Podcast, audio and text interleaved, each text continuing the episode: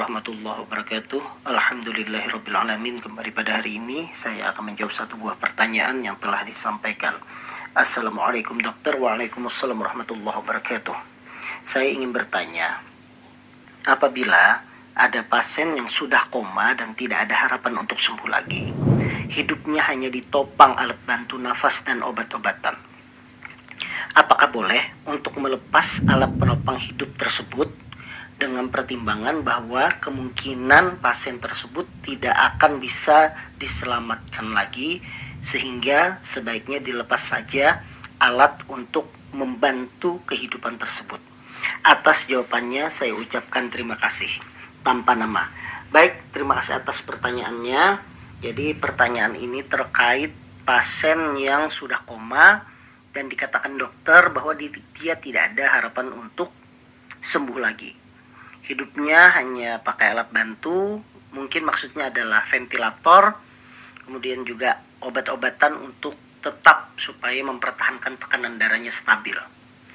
Jadi kalau kita dalam dunia kedokteran dalam keadaan koma seperti itu dalam kondisi terminal ya tentunya itu biasanya memang kalau seandainya dihentikan alat penopang hidup tersebut maka kondisi pasien cepat atau lambat akan turun dan akan terjadi kematian pada pasien tersebut. Pertanyaannya apakah boleh apa tidak? Baik, kalau kita berbicara tentang masalah e, menghentikan ya, menghentikan menghentikan memberikan obat-obatan ataupun alat untuk penopang hidup sehingga e, pasien tersebut akhirnya meninggal dunia karena penghentian tersebut itu disebut dalam dunia kedokteran adalah eutanasia. Eutanasia itu dalam praktik kedokteran adalah pencabutan kehidupan manusia melalui cara yang dianggap tidak menimbulkan rasa sakit atau menimbulkan rasa sakit yang minimal saja. Misalnya dengan cara uh, memberikan suntikan yang mematikan atau misalnya secara pasif menghentikan menghentikan alat-alat dan obat-obatan yang menopang hidup tersebut.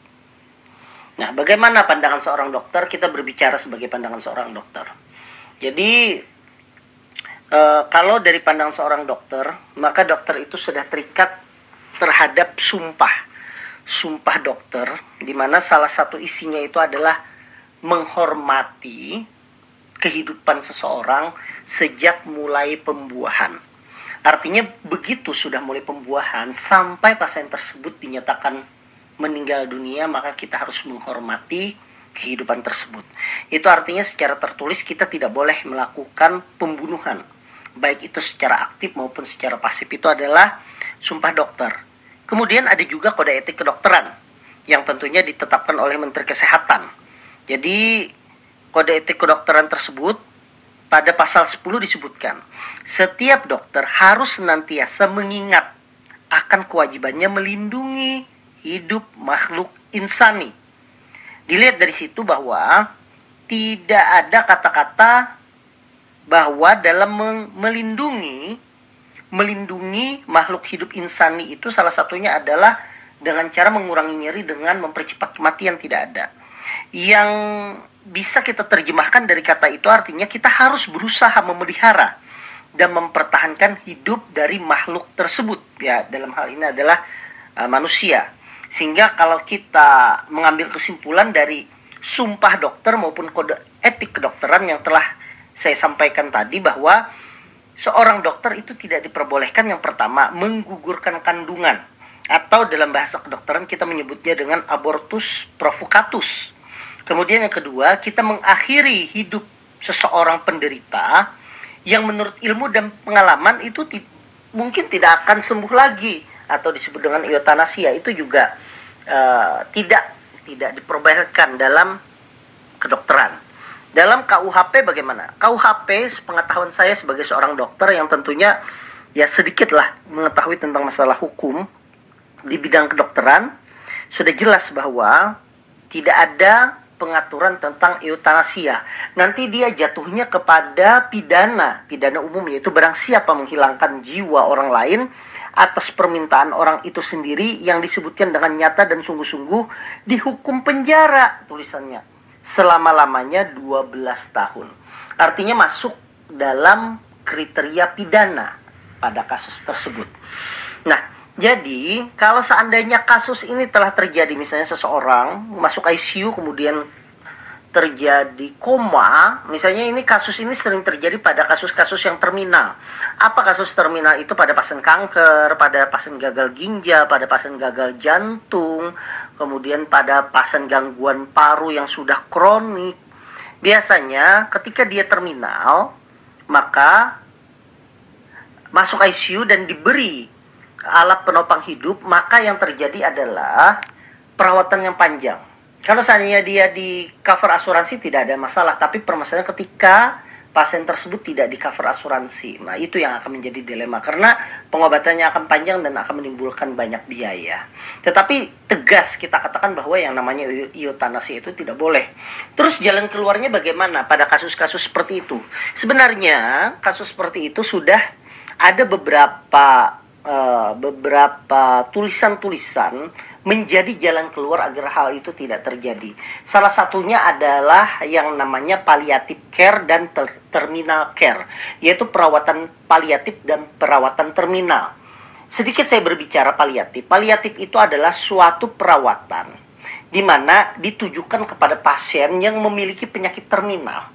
Penyakit yang tidak mungkin bisa disembuhkan 100%. Misalnya, penyakit hati seperti sirosis hati, kanker yang sudah dalam stage 4 yang sudah penyebaran, kemudian eh, penyakit paru yang sudah kronik dan tidak mungkin bisa balik lagi, penyakit jantung, penyakit ginjal yang sudah dalam kategori end stage itu sudah masuk palliative care. Tetapi pasiennya dalam hal ini masih dalam keadaan sadar pasien masih dalam keadaan baik, bukan pasien dalam keadaan yang sudah tidak sadar. Itulah adalah palliative care. Apa tujuannya palliative care? Pak, tujuan palliative care itu yang pertama dan paling utama adalah meningkatkan kualitas hidup pasien. Artinya, dia dalam keadaan sakit yang sudah terminal, tetapi dia menghadapi sakitnya tersebut dalam keadaan bagus, dalam keadaan kualitas hidup yang baik. Seperti apa contohnya? Kalau ada nyeri maka diberikan obat anti nyeri. Kalau sesak maka dapat obat-obatan sesak. Kemudian pada saat palliative care tersebut pasien juga sudah mengetahui bahwa penyakit ini adalah penyakit kronik, maka dia punya wasiat. Dia punya rencana-rencana ke depan.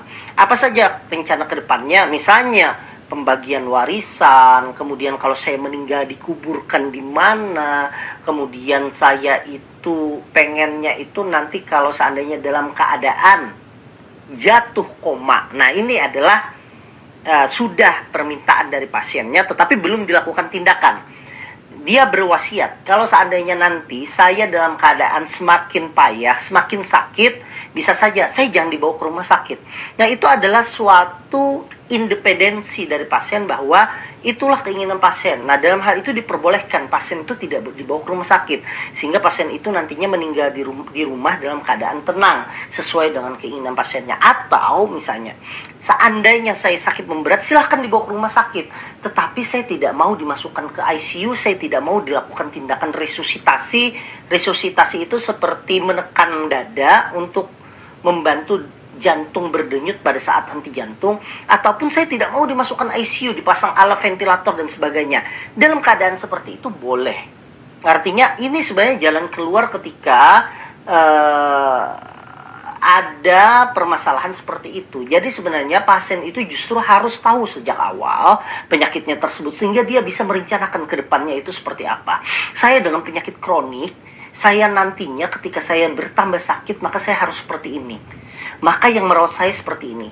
Uang untuk perawatan saya dipakai dari sini. Itu sebenarnya itu adalah palliative care. Nanti akan ditekankan lagi pada saat terminal care. Terminal care itu adalah ketika memang pasien itu masuk rumah sakit dan sudah kita ketahui bahwa inilah uh, kemungkinan bahwa pasien ini nantinya akan menghadapi kematiannya atau paling tidak yang namanya terminal care kita sudah mengetahui dari penelitian bahwa hidup pasien ini sisa misalnya beberapa bulan lagi atau beberapa minggu lagi berdasarkan dari penelitian-penelitian yang ada.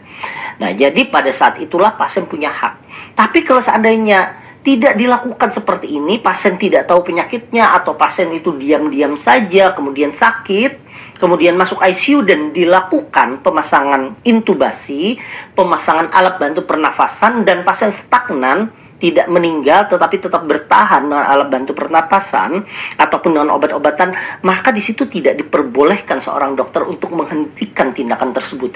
Karena itu sama saja yang pertama dia tidak meng tidak mematuhi sumpah yang telah diucapkan, melanggar sumpah yang telah di, diucapkan, kemudian tidak mematuhi kode etik yang telah ditetapkan, dan tentunya kalau seandainya ini masuk ke dalam ranah pidana, maka ini akan rentan sekali terhadap tuntutan pidana. Jadi mungkin itu saja yang bisa saya jelaskan, mudah-mudahan ini bisa membantu rasa penasaran. Jadi intinya adalah setiap dokter tentunya menghargai uh, kehidupan seseorang, kehidupan insani sejak dari pembuahan, maka tidak ada yang namanya eutanasia di Indonesia. Maka daripada itu, semoga ini memberikan manfaat apa yang saya jelaskan ini baik kepada penanya yang tidak mau disebutkan namanya maupun kepada seluruh pendengar dari uh, program ini. Saya ucapkan terima kasih, saya tutup. Wassalamualaikum warahmatullahi wabarakatuh.